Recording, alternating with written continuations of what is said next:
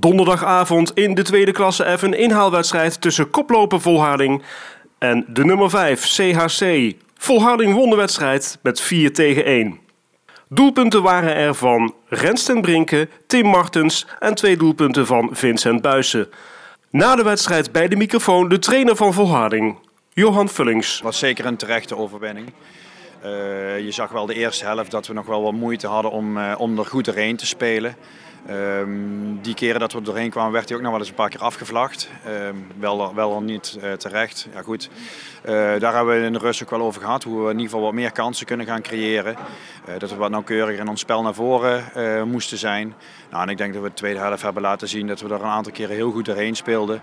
we hebben ontzettend veel kansen gecreëerd. Ik denk dat we ze nog best wel gespaard hebben met een 4-1. Want um, we waren best wel onnauwkeurig in, in de afronding. Daar waar we er denk ik nog wel drie, vier uh, kansen hebben, dikke kansen hebben laten liggen. Ja, vooral na die rode kaart. Ja, inderdaad, dat was natuurlijk ook wel een punt in de wedstrijd waardoor we natuurlijk een uh, numerieke meerderheid hadden. Uh, en, en waardoor we echt heel veel ruimte kregen, nogmaals. En ja, goed, je zag ook wel dat zij op een gegeven moment wel een beetje op waren.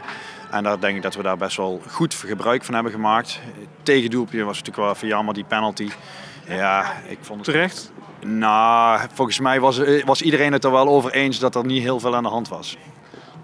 Was het daarna nog even ja, spannend? Of dacht je van nou, dat, dat gaat wel goed komen?